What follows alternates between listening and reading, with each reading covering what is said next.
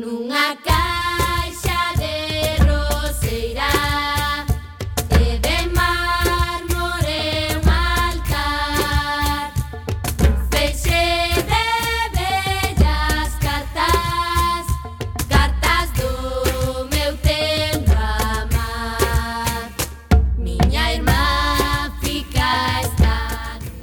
Ola, que tal, recendeiros e recendeiras? Benvidos e benvidas a este espazo radiofónico semanal dedicado á cultura que facemos en rigoroso directo todos os martes ás 7 da tarde, aquí, en Cuac FM, a Radio Comunitaria da Coruña.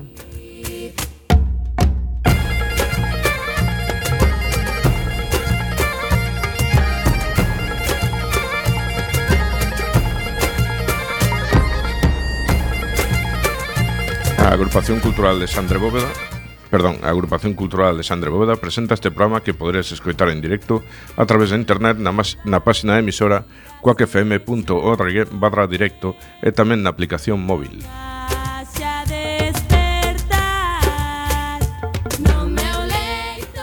Se non chegaches a tempo, non tes excusa, compañeiro. Podes descargar todos os programas xa emitidos tecleando coacfm.org barra radioco barra programes barra recendo ou escoitalo na redifusión que será os mércores ás 8 da mañá, os venres ás 16 horas e na madrugada do domingo ao luns ás 12 da noite. E a partir de agora seguídenos nas redes sociais, tanto no Facebook como no Twitter, eh, arroba recendo FM, mayúsculas, e onde queremos formar unha comunidade recendeira. Tamén podes visitar o Facebook da agrupación en ac.c.alexandre.bóveda o Twitter en arroba acbóveda ou na web www.acalexandrebúveda.gal.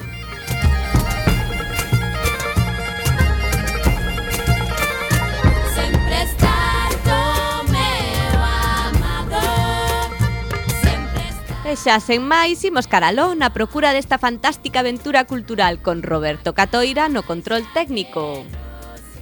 E eh, falándolles coa Almanteira, Uxía Vázquez na locución, e Roberto Catoira e pode que Javi tamén. Sempre estar co meu amado Sempre estar co meu amado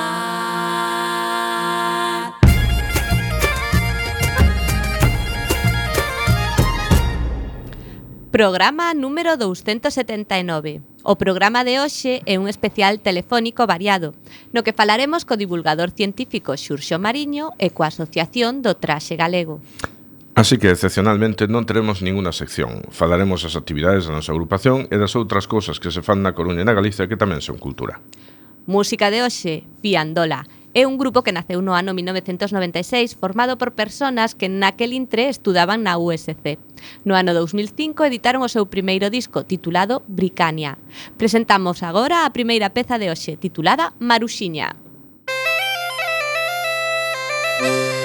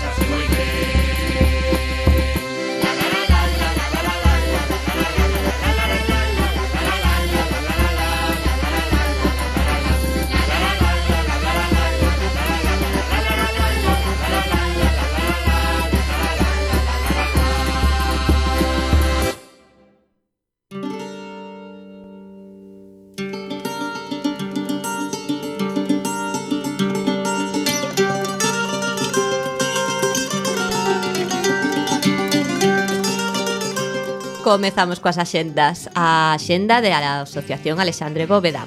O xoves 22 preséntase o facsímil da primeira edición de Os Soños na Gaiola, de Manuel María, con ilustracións de Reimundo Patiño e a edición dos 50 anos desta obra que mostra ilustracións de Leandro Lamas. Interveñen Monse Pena, profesora da USC e pola Fundación Manuel María Alberta Ansede, secretario, e Saleta Goi, presidenta. Será ás 20 horas no noso salón de actos. E o ben, Benres 23, maratón de lectura da obra de Rosalía de Castro a cargo de dúcias de alumnos de secundaria e bacharelato do Colexio Calasanz da Coruña. Será no salón de actos de 5 e media a 20 horas. E o sábado 24, lectura pública da obra de Rosalía, organizado pola Asociación de Escritores e Escritoras en Lingua Galega, en colaboración coa Agrupación Cultural Alexandre Bóveda. Será ás 18 horas na Sala de Exposicións de Durán Loriga.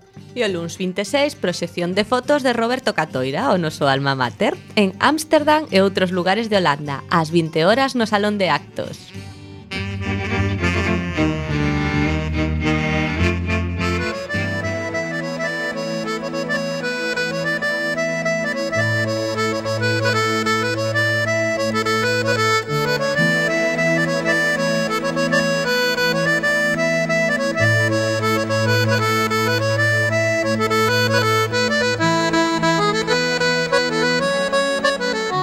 Imos coa xenda da Coruña.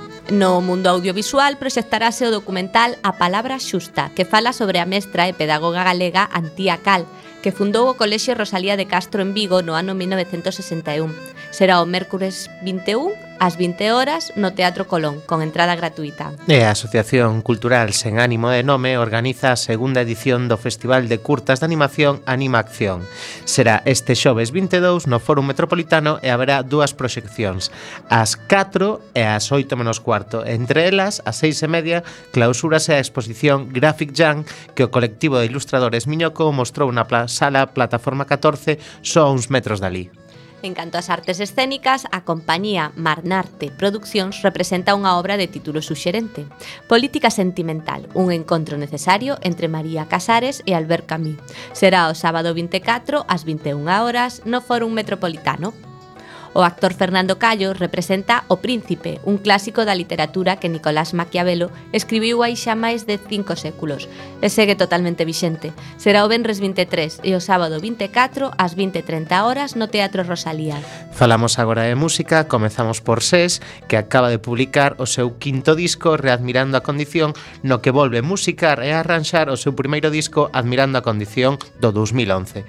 Poderedes escoitala no Teatro Colón o sábado 24 ás 20.30 e o domingo 25 ás 19 horas. Estes días cúmprense anos do nacemento da nosa máis grande poetisa e por esa razón a Deputación da Coruña organiza unha Gala Rosalía de Castro. Haberá actuacións musicais a cargo de Ave Rábade xunto con Natasia Zucher, Naila Xami, Santi Cribeiro, Xiana Lastra con Andrea Porto e Tempo 4 e recitarán Anxo Angueira, Cesario Sánchez Iglesias, Marta da Costa e Rosalía Fernández Rial. Será o Benres 23, ás 20.30 horas no Teatro Colón con entrada gratuita. E rematamos a música con dous concertos interesantes en dúas salas coruñesas. O Benres 23 ás 23 horas tocan a Mardi Gras o grupo de blues boirense de Lacazans e o xoves 22 ás 22 horas tocan o Garufa Club o mítico cantautor Luis Pastor. E falamos agora de exposicións, o Sábado 24 clausúrase na sede da Fundación dúas series ganadoras do Premio Galicia de Fotografía Contemporánea. Eva Díez con Renacer e John Gorospe con Environments. Onte puidose ver no Fórum Metropolitano un documental sobre a vida e obra do crego Moncho Valcarce. Onte tamén se inaugurou ali unha exposición titulada Moncho Valcarce, unha vida de compromiso. Esta exposición estará ata o sábado 3 de marzo.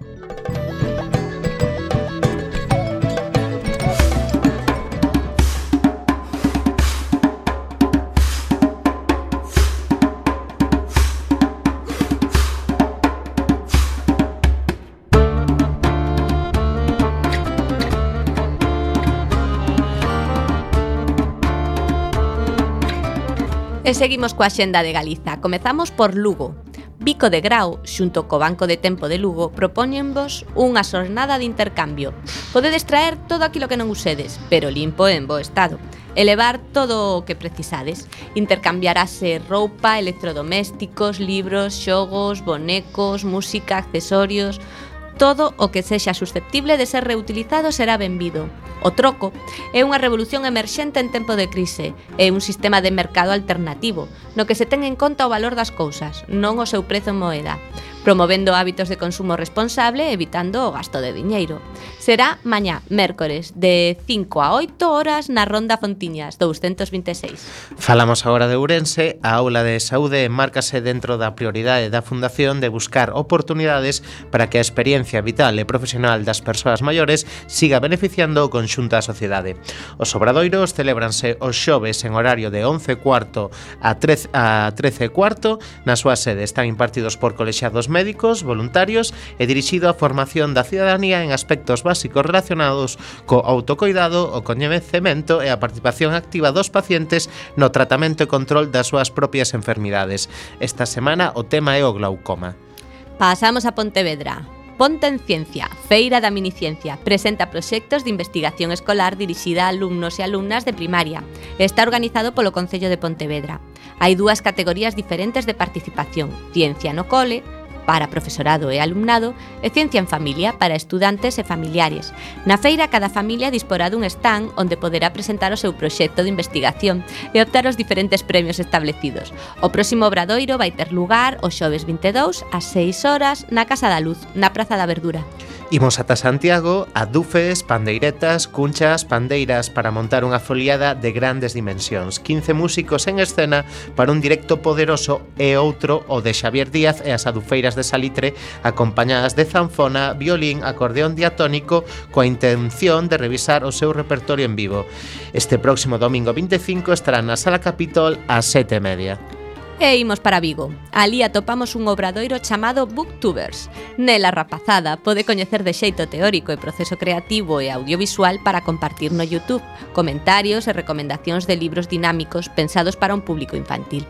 A inscripción pode facerse de forma presencial na biblioteca a través do teléfono 986 26 77 59 ou ben mandando un correo electrónico a bpneiravilas.com vigo.org, indicando os seguintes datos da persoa participante, nome e apelidos, idade, nome e apelidos da persoa acompañante, teléfono e email. Na Biblioteca Pública Neira Vilas, mañá mércores de 5 e media a 7 e media. Pegamos un chimpo ata Ferrol, Martirium é unha banda con case 12 anos de traxectoria que traerá como ofrenda o seu disco Billón de Hogs, que vía luz a mediados do ano pasado tras un percorrido que os levou a viaxar a gran parte da xeografía estatal ademais de Portugal e Italia. O Wagner, por outra parte, é unha banda de escuro crush death metal sen convencionalismos, unha antiga lenda galaica de bosques, mares e malas criaturas alimentadas e distorsionadas por hipnóticos e outras pocións. A Ambas agrupacións visitan o Teatro Jofre o Benres 23 ás 9. E a nosa vila invitada hoxe é Redondela. Alí os amigos das bibliotecas teñen preparado un novo coloquio. Desta vez o profesor de Historia, David Faro, falará de A España Baleira, baseándose no homónimo libro de Sergio del Molino, La España Vacía, viaje por un país que nunca foi, percorrendo as peculiaridades dun país onde a despoboación progresiva do rural configura unha nova realidade xeográfica, e onde as paisaxes fantasmagóricas e baleiras viven agochadas detrás da existencia do territorio coñecido. No multiusos da Chapela, on venres ás 20.30.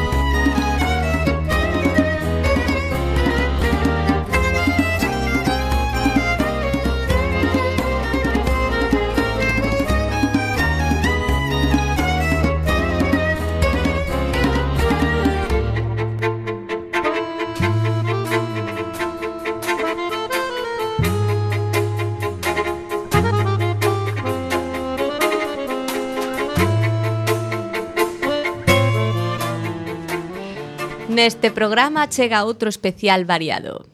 Nesta ocasión conseguimos contactar cun convidado ao que facía tempo que lle tiñamos ganas. El non é outro que o científico, escritor, viaxeiro e divulgador Xurxo Mariño. Con el falaremos sobre o seu libro Terra, que narra a súa viaxe ao redor do mundo, de divulgación científica e sobre os enigmas da mente humana.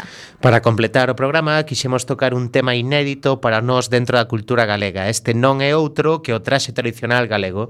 Para tratar este tema tan amplo da cultura galega, contamos co mellor asesoramento evento que se poda topar, é dicir, a Asociación do Traxe Galego. Así que, sen máis dilación, imos a por esta nova edición de Recendo que promete ser por todo o alto. Comezamos co presentando a Xurxo Mariño, se necesita presentación. É profesor da Universidade da Coruña e doutor en neurofisioloxía.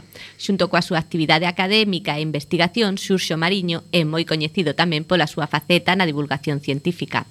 Grazas a él e a outros en Galicia contamos con discurso shows e cafés teatro científicos que contribuíron a cambiar o panorama da divulgación científica en Galicia.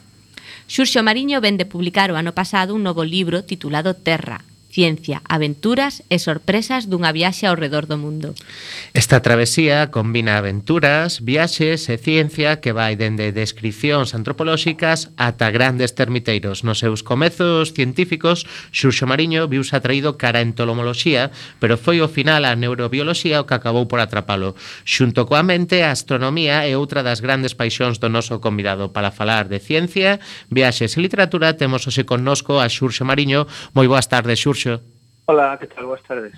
Pois moi ben e moitas gracias por atender a nosa chamada hoxe. Grazas a vos, é un placer. Bueno, pois para meternos xa en fariña, eh, como te embarca, embarcas na viaxe que relatas en terra, Xurxo? Bueno, eh, no momento en que a miña compañeira Eli e máis eu eh, nos decatamos de que eh, os nosos tra respectivos traballos nos permitían escapar durante unha tempada grande e que tiñamos os aforros suficientes, pois eh, eh, comezamos a preparar a cousa, a viaxe. Supoño que, que a todos ou a casi todas nos gustaría viaxar polo mundo, facer unha viaxe destas características durante, no noso caso foi foron 11 meses. E, e o que pasou pois foi simplemente que vimos que podíamos, entón aí arrancamos. Pois moi ben, nós aquí tamén pensamos que nos gustaría moito, verdad, sí, Uxía? A verdade que sí. Eh, Xurxo, houbo algún libro que servira de inspiración para esta obra túa, para a Terra? Bueno, moitísimos, desde logo, sí, sí, sí. É algo que conto nas, nas charlas que, que dou en moitos centros de ensino, en outros sitios, que están relacionadas con distintos aspectos desta experiencia, sempre comento que as viaxes comezan nos libros, que eh, comezamos a, a estimular a imaginación pois eh, lendo as experiencias de outras persoas no meu, no meu caso, pois moitísimos, non? Eu que sei desde, desde por exemplo, un libro esencial que é o libro que, que escribiu Darwin, Charles Darwin, cando voltou da súa viaxe alrededor do mundo, que lle levou cinco anos, unha viaxe, el, el ia, eh, pois, como naturalista, non inicialmente como naturalista, pero sí despois, ao longo da viaxe, cambiou eh, nun barco que estaba facendo, sobre todo, pois, cartografía.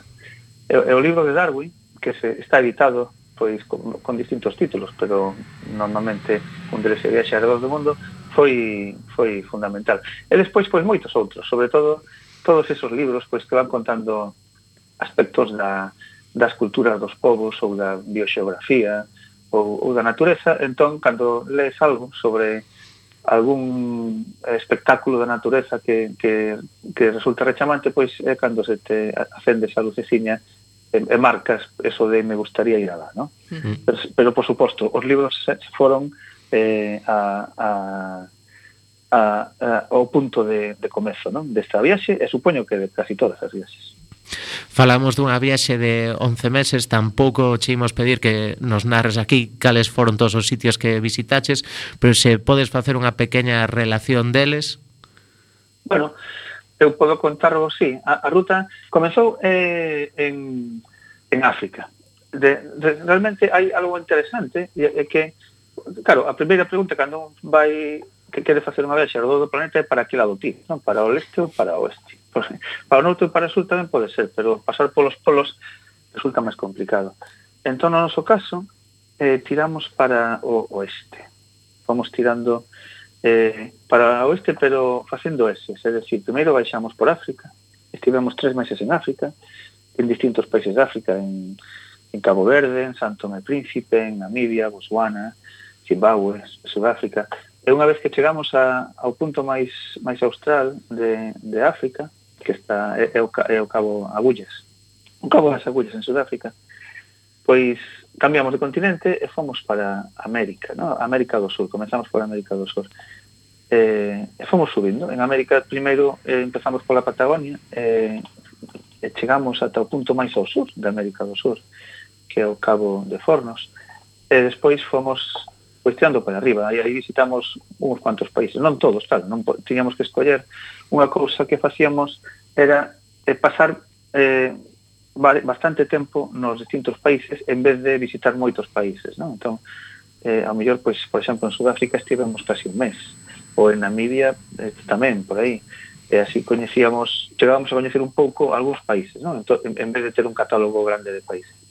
Pero seguindo coa viaxe, en América, pois, eh, percorrimos parte da Argentina, chegamos ata eso, a, ao punto máis ao sur eh, da América, que é compartido por Argentina e Chile, esa parte da Terra do Fogo seguimos visitando distintos sitios de Chile, volvimos outra vez a Argentina, despois estivemos en Brasil, en bastantes partes, pero nos interesaba especialmente a Amazonia. Eh, navegar polo río Amazonas e tamén por outro gran río que é afluente do Amazonas que é o río Negro. Eh, estivemos un, unha semana máis ou menos navegando por eses ríos e logo fomos a, a Perú, a Ecuador, Ecuador ten unha característica interesante de que eh, as Illas Galápagos pertencen a Ecuador, que é un, unha, un destino moi interesante para calquera amante da xeoloxía ou da bioloxía. Entón, estivemos nas Illas Galápagos, despois volvemos outra vez ao continente, a Novo Ecuador, e dai, pois saltamos a Cuba. Estivemos percorrendo Cuba en coche, de, de occidente a oriente, e, e logo pois eh, visitamos distintos sitios de Estados Unidos que nos interesaban. Sobre todo os desertos do suroeste de Estados Unidos. E, e dai unha vez que, que chegamos a Estados Unidos pois eh, atravesamos o Pacífico o Océano Pacífico eh, enorme está inzado de, de moitas illas que son moi interesantes porque a poboación que foi colonizando esas illas son os polinesios que ainda non sabemos, hoxe en día non sabemos moi ben como, como deron chegado a, a colonizar todas estas eh, eh, esta cantidad enorme de illas do Pacífico. Nós estivemos en Hawái, que pertencen a Estados Unidos, eh, nunhas illas que son a Polinesia francesa, ou, ou un grupo de, das illas da Polinesia francesa, porque son bastantes as da Polinesia. Eh, e daí saltamos a, a outras illas que tamén son eh, que fan parte da Polinesia, que son Nova Zelandia. E en Nova Zelandia, despois de percorrer as dúas illas principais en, en coche, pois fomos para Australia. Australia que é outro lugar eh, realmente moi particular, porque é un, é un país continente pois con unhas características distintas no? a, a, a gran parte do mundo que coñecemos pola fauna e tamén polas características así xeolóxicas eh, e, e dos, das selvas que ten, porque ten parte tropical no norte. Nos estivemos no leste e no norte de Australia, e dai entramos ao occidente eh, ao sureste asiático, perdón. Eh, entramos ao sureste asiático por Singapur. Singapur que é unha pequena illa, que é tamén unha cidade, que é tamén un país, é dicir, está todo aí metido. Dai fomos a Vietnam, tamén un país bastante particular, que ten unha historia moi interesante. Eh, percorremos Vietnam, estivemos en, en fomos percorrendo todo o país, de, aquí neste caso de norte a, a sur, pegando varios chimpos en, en avións, eh, fomos percorrendo Vietnam. E despois eh, nos tocaba China, China que é un país eh, gigantesco. Entón aí teníamos que decidir. En China pois visitamos unha cidade eh, unha, unha gran cidade do norte de China que se chama Chengdu, despois fomos para a zona do Himalaya a visitar a provincia de Yunnan, logo volvimos outra vez para o norte, eh, estivemos en distintos sitios e rematamos en, en Beijing, en Pekín. E dai collemos un tren, un tren que é o Transmongoliano. É un tren que vai desde a capital de China ata a capital de Mongolia, que é Ulan Bator. Eh, aí estivemos ese, esa viaxe, pois dura máis dun día. É un día atravesando un gran deserto que é eh, o, o deserto de, de Gobi. Eh, unha vez que chegamos a Mongolia, pois a nosa idea era tamén atravesar Rusia no, no, neste tren que se chama o Transiberiano, pero en Rusia non pudemos entrar por por problemas burocráticos así da, das aduanas que non, non nos concedían o visado porque tiñamos que pedilo no noso país de o, o noso país de orixe. Entón, nada, eh, fomos polo aire e, vol, e despois eh, seguimos visitando distintos sitios que nos interesaban do norte de Europa, eh, en Dinamarca ou, ou en, antes en Finlandia. E así, pegando distintos chimpos polo norte de Europa, volvimos a, ao punto de orixe, que era Santiago de Compostela. É dicir, Saímos de Santiago de Compostela tirando cara ao sur e chegamos a Santiago de Compostela polo norte, de maneira que máis ou menos de maneira empírica pudemos comprobar que en efecto o planeta Terra é unha esfera. E aquí estamos. bueno, sei que esta pregunta vai a ser difícil, Xurxo, pero cal foi dos lugares visitados o máis sorprendente? Sí, é difícil, supoño, que por imposible, non? Sí, Porque imposible.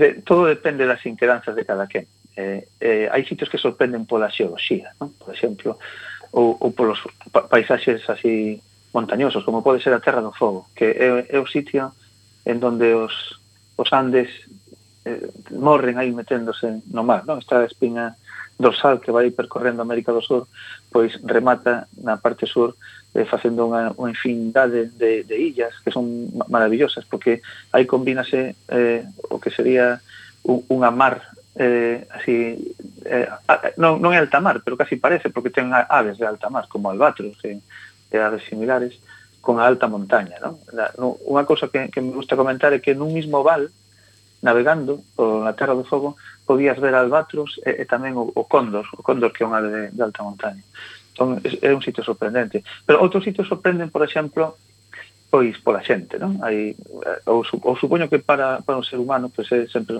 termina sendo máis interesante. Por exemplo, África. África eh, nos sorprendeu moito, por exemplo, eh, coñecer a, a un pobo moi especial de cazadores colectores, que son os San, que viven en zonas de Namibia, Botswana e Sudáfrica, que, que teñen unha lingua moi particular de, de clics, Ou, por exemplo, pois coñecer un, un pobo que ten unha historia recente tamén bastante interesante como, como Vietnam ou, ou, como, ou como China. Entón, non, non podo comentar así sitios o máis impresionante. Depende. Por exemplo, tamén a Australia. Australia ten, é, é tan extraordinario por, pola desgraciada historia recente que ten respecto aos aborixes australianos. Uh -huh. Son foron o primeiro pobo de, de navegantes, de, de, de seres humanos modernos, porque chegaron a Australia polo mar, hai entre 50.000 e 60.000 anos, e despois xa non volveron a sair máis desa gran illa, e aí foron diversificándose dando lugar a, a, a unha cantidad enorme de, de distintos povos, con máis de, ou alrededor de 200 linguas distintas, se, se calcula. E, sin embargo, cando chegaron aos, a segunda onda de, de seres humanos, que foron os, os británicos que chegaron aí, pois eh, os convertiron en os o, os de, deixaron realmente de lado e os, e os trataron como non se debe tratar outros seres humanos. E iso sigue ocurrindo hoxe en día. Entón, eso tamén é moi rechamante. Mm. Entón, non sei, non, non podría decir un único sitio. Bueno, xa dixeches.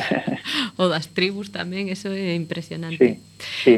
E, e ti como científico ves o mundo como científico. Toda bueno, esta viaxe a mirarías de outro xeito, non? Se non foras científico. Sí, sí, sí. Vamos a ver, a vexe como calquera outra persona, eh, aí lle sumas pois o, o, a, a, a mirada científica.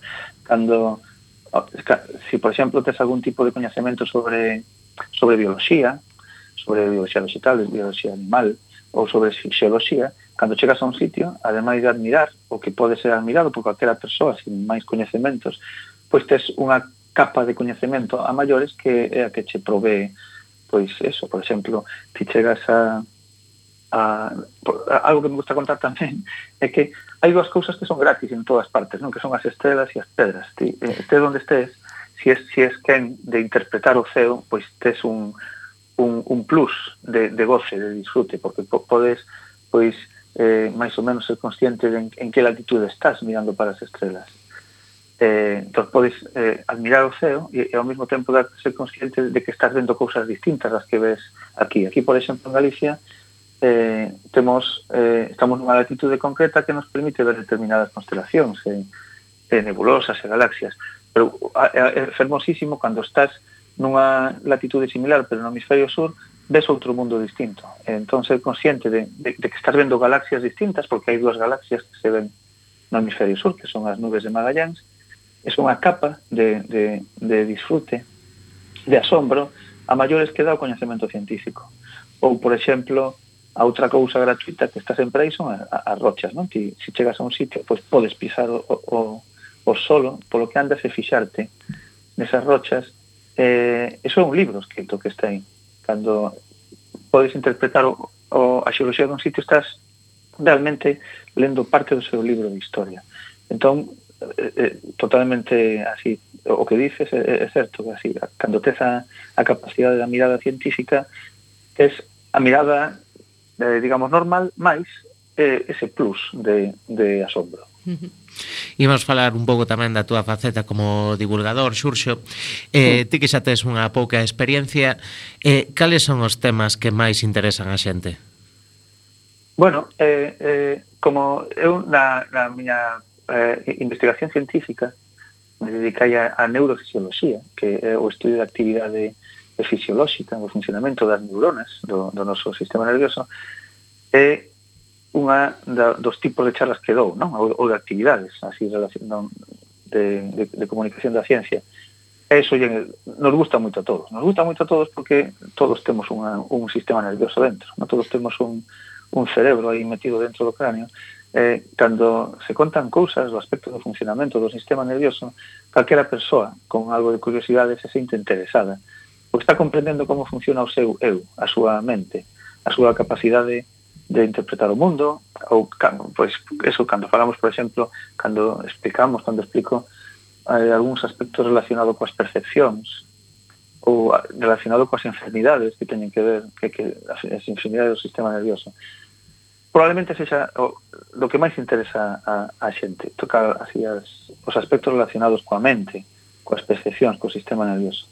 Pero bueno, despois eh, hai eh, casi calquera outro tipo de, información que poidas contar porque teño montado así distintos tipos de, de actividades de, de, de ciencia que non teñen nada que ver coa neurociencia, si se transmite con, con ese toque de, emoción e de paixón, pois sempre hai algo interesante? que contar. E Entón, podes terminar eh, emocionando de unha maneira eh, exacerbada a casi calquera persoa falando de casi de calquera cousa que ten que ver coa capacidade que temos os seres humanos de interpretar o mundo. E iso é xa algo maravilloso, ser conscientes deso.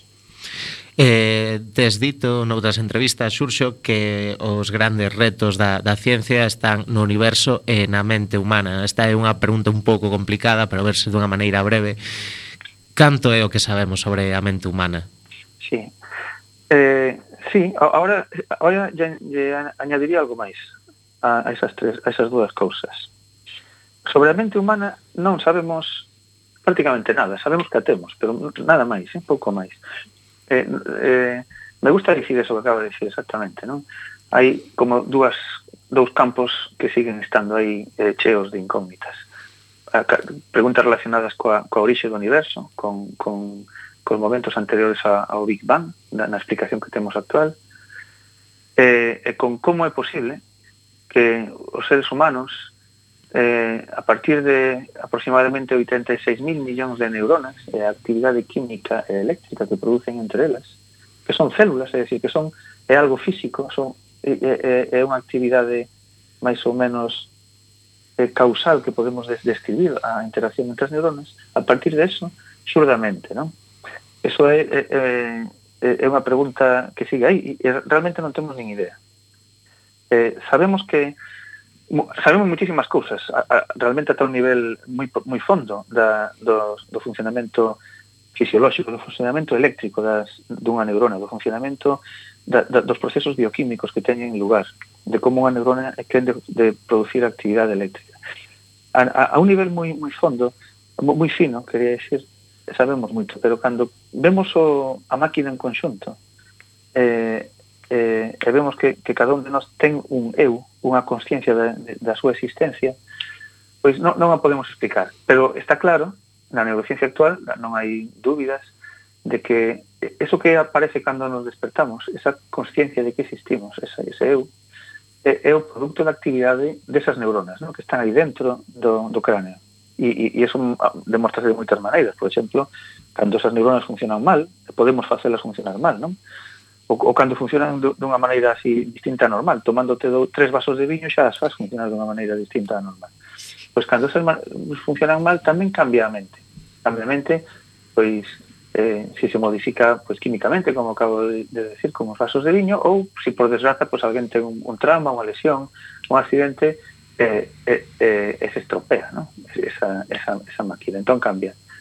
Entón, sabemos que a mente é o producto de esa, esa cantidad enorme de neuronas, pero non hai unha explicación realmente para como se produce. E se considera que o que se dice unha propiedade emerxente, é dicir, é, é algo que xurde a partir de, de combinar todos esos elementos, pero que non podemos explicar a partir da, dos, da, do coñecemento dos elementos individuais, non? Do, do mesmo xeito que sabemos que a auga está formada por hidróxeno e o, o, oxígeno, pero a partir do coñecemento do átomo de hidróxeno e do átomo de oxígeno non podemos explicar, non se podría predecir que a auga molla, non? O, que así as particularidades da auga. Eh, no, no caso da auga, mirade a este é un símil interesante porque se si non podemos explicar a partir das, das, das propiedades do átomo de hidróxeno e do oxígeno que, que a auga sirve para apagar un incendio, pois moito menos por agora podemos explicar eh, como xurde o eu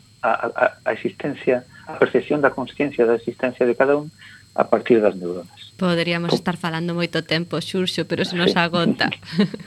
Como vedes, me, me lío moi fácil. Non, non, é moi interesante, pero ata aquí chegamos. Moitísimas gracias. Moitas grazas a vos polo interese. Imos escoitar agora a da música de Fiandola, Bela Ibai. Ai, la, la, la.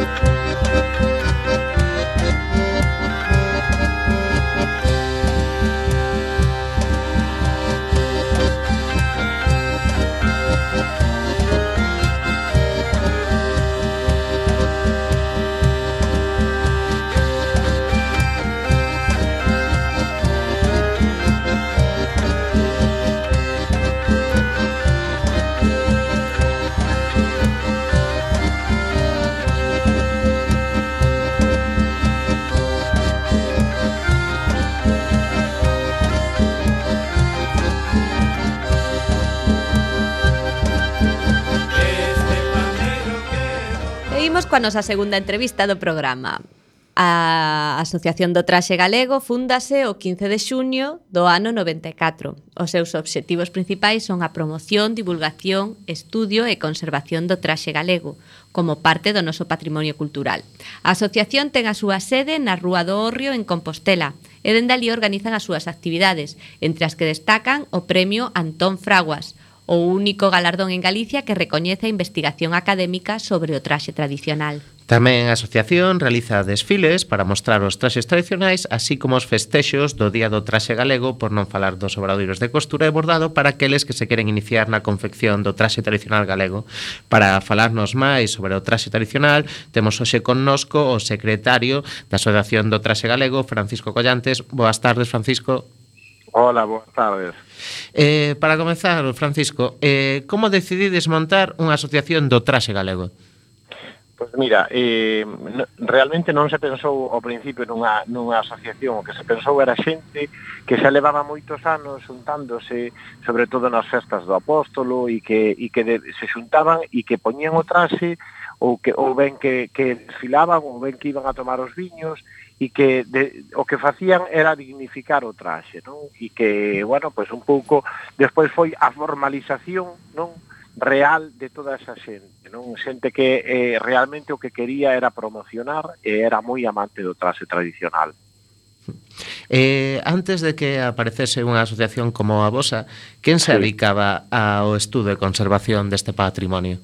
Pois mira, fundamentalmente os grupos, os grupos folclóricos, desde, bueno, pues desde a transición, anteriormente, bueno, pues había esa herencia da sección femenina, despois foron foron aparecendo moitos grupos e os grupos eran realmente os depositarios non de todo ese saber de investigación, de traballo de campo que se empezaba daquela pois de grupos que, que querían investigar sobre que trases podían poñer que trases podían con que trases podían bailar non?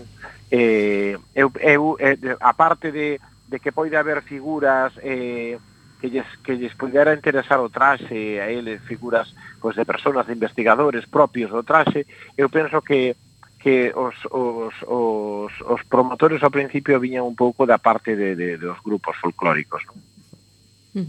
Canta xente forma parte da vosa asociación, Francisco?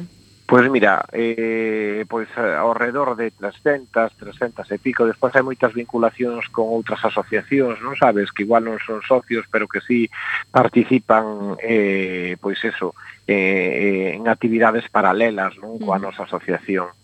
E cal é a vosa principal actividade ao longo do ano? Pois mira, realmente hai, hai actividades fixas ao longo do ano eh, e, e hai outras máis variables. Pois, por exemplo, os, o Día do Traxe, o Premio de Investigación, eh, o Día das Letras Galegas, o, a participación en determinados eh, charlas que se, que se fan de, desde a asociación nos obradoiros. Esas son actividades eh, fixas de, da asociación. E despois hai pois esas actividades nas que vamos participando, pois por exemplo, pois este sábado participamos na homenaxe de, o, eh, a Rosalía de Castro no Panteón uh -huh. de Galegos Ilustres. Hai cantidade de outras en congresos, en determinados seminarios, pois por exemplo, eh, pois en Pontevedra pois fai 15 días, pois hubo unhas charlas tamén de xente relacionada co traxe e entonces un pouco eh, son datas que van surdindo non? E, que, e que nas que vamos participando eh, desde os últimos anos tra tratamos eh, de, de non solamente promocionar a, a, a promoción visual non de, de, de ir a desfiles, sino que pues, eh, pensamos que o traballo pues, de investigación, o traballo de, de, de, de falar un pouco do traxe eh, nos parece tamén moi interesante, co cual pois, vai un pouco caminado por, por aí. Non? Vedes interese na sociedade por coñecer máis do traxe galego? Pois mira, eu penso que a sociedade eh, hai veces que non que non sabe, pero sí que cando cando empeza a, a coñecer, a saber cansos atrase, o digo porque moita xente que chega á asociación e ao principio que é un campo que para eles é eh, non é tan coñecido, despois acaban apasionándose e acaban vendo no, pois a, a, a maravilla que é, pois eso, ese coñecemento sobre os distintos traxes, sobre sobre as fontes do traxe, porque hai veces en donde dices tú, bueno, e, e de onde quitaches este traxe? Ah, bueno, pues estaba aquí, en esta foto, en esta, en esta cousa. E entonces ves tú que sí que, que, que é un campo de investigación que, que, que, que pode ser interesante, non? Eh, Como a nos nos parece, vamos. Uh -huh. Francisco, e onde podemos acudir para atopar e disfrutar dunha boa colección de traxe tradicional galego? Sí, mira, a asociación eh, a, a, a asociación a, a colección da asociación é de, de todos os integrantes da asociación non quere dicir cada quen eh, pois na asociación pois ten un traxe, ten dous, hai xente que ten moitos traxes que foi a, facendo ao longo da vida ou que foi ou, ou, ou que ou que mantén e, e, e son traxes que son deles. Despois hai coleccións pois de xente eh, que, que, que leva traballando eh, moitos anos e que se dedicou pois a recoller e que ten tamén moitos traxes. E por outra parte despois están pois os traxes que están, pois por exemplo, digoche aquí pois no Museo do Pobo Galego, non? Que son que non é que mm, son mm, moitos traxes, pero que son traxes significativos, son traxes antigos, son traxes que están que se poden ver, son traxes que se poden iso. Entonces é un como unha amalgama eh, en donde hai moitos lugares. Non, non podemos decir é que en tal sitio ou en tal asociación hai un conxunto de 50 traxes. Non, hai moitísima xente eh, que ten traxes maravillosos e, e, e que algúns deles, pues, por exemplo, eh, hai eh, cerca de Ferrol, pues, eh, hai xente pues, que organiza mm, exposicións e que teñen trases ou, ou incluso algunhas agrupacións que se dedicaron non solamente ao tema folclórico e musical, sino que tamén fixeron recolle, recolleita de trases e, e teñen aí un patrimonio. A asociación ten traxes no Museo do Pobo, traxes antigos que, que, que, que son da asociación, pero moito dese patrimonio forma parte de cada un das persoas que forman parte da asociación. A mí moitas veces cando me dicen eh, que costas trases, costas esas da asociación son dos asociados, non? E son de cada un e, e, e, e bueno, pois pues eso, hai, hai moitas xoias hai moitas maravillas de traxes, pero son de cada un deles, non é que as teñamos no, nun museo. Hmm. Eh, moitas eh, digamos, destas mostras de traxe galego son eh, pezas que se conservan eh, do seu tempo ou son reproduccións?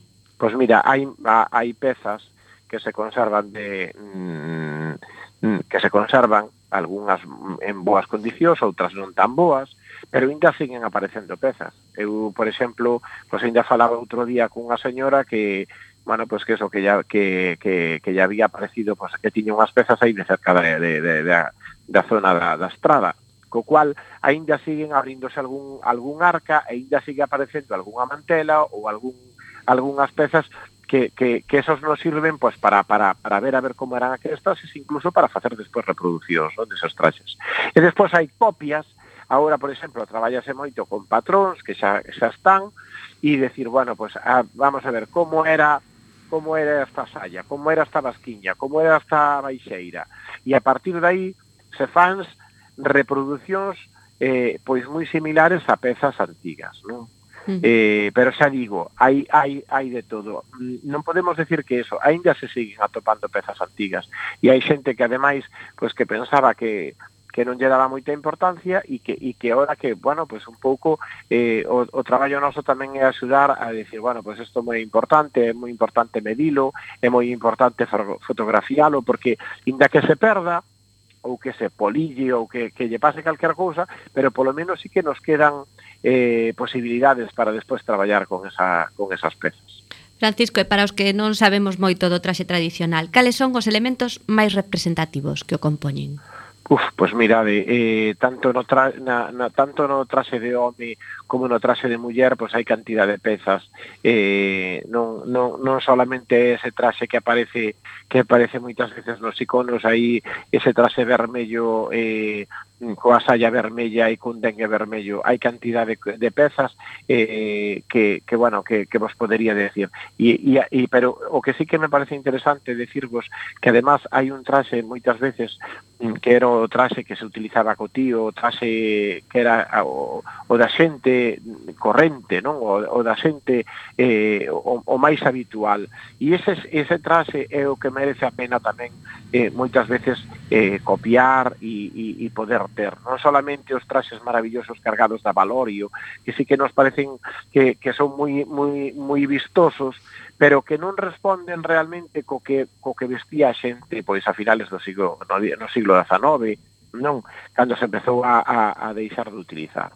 Entonces a mí me parece que hai moitísimas pezas de moita variedade de traxes, de traxes de domingueiros, traxes de ir á festa, traxes de cotío, traxes máis de garda, de, hai que virar que, que hai moitos materiais, moitos materiais que algúns son propios do país, outros son materiais importados de fora, eh, panos sedáns, panos de Béjar, eh, pois, pois un pouco eh, pezas que, que eran traídas de outros países, como os mantos de Manila eh, ou de outros lugares. Entón, me, me parece tanta riqueza non? que hai veces que un, un, un pouco cosificamos non? e solamente vemos pois un traxe con catro pezas, con un mandil, con unha saia e con un dengue e iso que nos poñen algunhas veces na televisión ou que nos poñen incluso cando va cando cando vemos algún algún folleto ese non, non, non é o traxe, ese é o traxe típico que en algún momento se, se viu por aí e que eso, pero o traxe tradicional é algo máis que eso. Eh, por exemplo, Francisco, deste traxe de cotío que falas é moi sí. semellante ao resto que podemos atopar na península e mesmo en Europa ou ten as súas particularidades? Pois mira, hai similitudes hai moitas similitudes, quere decir, o sea, hai veces en donde incluso os tecidos, as, a, os cortes e tal son similitudes con outras pezas e, e de, e sobre todo o, o, o espazo máis ibérico non? fai mm, no ano 93 eh, eh, a asociación eh, organizou un congreso que era os trases no camiño.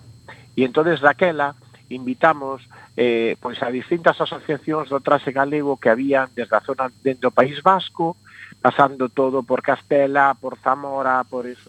E era unha maravilla o que despois daquel congreso, non sabes, se podía analizar as similitudes que había moitas pezas que parecían que, que non tiñan nada que ver, pero que eran moi similares, incluso con Portugal. Quero dicir, o sea, que son que, que convén moito facer o estudio comparado tamén no traxe, porque porque hai moitas similitudes e moitas pezas, ou, ou incluso coa música, non? Pasa. Francisco, quedamos en tempo para seguir coa entrevista, pero queremos saber cales son os plans de futuro da Asociación do Traxe Galego. Pois pues mira, os plans de futuro é, é seguir traballando nesta liña, nesta liña de difusión, de promoción, tamén de investigación, Vale, agora, por exemplo, estamos con algo, bueno, que nos ten así como un pouco eh, eh, en, en traballo, que todos esos traballos gañadores de os 23 anos de Premio de Investigación Antonio Fraguas, pois podelos visualizar a través da rede ou a través de, de, de algunha publicación para que moita xente poida saber eh, do traxe pois, a través de publicacións que están avaladas por especialistas e que convén mm, pois, dar, darlle máis visibilidade. Non? darlle darlle máis máis saída. Eso sí que nos eso, estamos tamén co tema didáctico, eh, pois eh, eh, ampliar os obradoiros para que moita xente, pois bueno, pois tú un sábado poi ir a vir a cortar como se cortaban as camisas ou como se cortaba isto ou eso mm, para, para que para que non solamente quede nun reduto de unhos interesados e dunhos dunhos amantes do traxe, sino trasladalo a toda a sociedade, que eso é realmente o que nos importa. Eu mirade son mestre mestre e moitas veces agora sempre digo, a mí me encanta cando os nenos non, pois lle dices tú, mira, eh, esto chamase saya, esto chamase basquiña, esto chamase chaleque, eh, hai que hai que levar ao traxe tamén á sociedade. Pois sí. E iso é un pouco o que o que nos preocupa, nos preocupa moitas cousas, pero non solamente o labor de poñer o traxe e desfilar, que está moi ben, sino tamén que toda a sociedade sepa algo máis do traxe, igual que saben sobre sobre outros aspectos, non? Pois sí, Francisco, cultura en un aspecto máis lúdico deberíamos reivindicar un emoticono con traxe tradicional galego. É verdad, é verdad, é verdad, é verdad. Veña, moitas gracias, Francisco. Gra gracias a vos, gracias a vos. Ata logo. Ata logo, ata logo. Chao. E sen tempo para máis odiseas, imos chegando ao fin de camiño deste recendo. Despedimos o programa de hoxe agradecendo aos nosos convidados que, como sempre, son de honra, Xurxo Mariño e Francisco Collantes. E agradecendo a semente, pedra angular de todo, o noso comando de equipo de produción formado por Javier Pereira, Gemma Millán, Manu Castiñeira e Roberto Catoira. E aquí estivemos Roberto Catoira nos controis e co alento do micrófono, Javier... E Roberto Catoira e Uxía Vázquez. No. acompañándote neste recendo de palabras e de imaxes radiofónicas que nos traen este aroma cantado na nosa lingua e que nos permite, hoxe, tamén no futuro, a permanencia da palabra, da música e da implicación e o compromiso coa nosa nación, a Galiza. Ate o vindeiro martes, a 7 da tarde, en directo nesta emisora Cuac FM da Coruña. Xa sabe de recendo as mil primaveras que terá o noso idioma.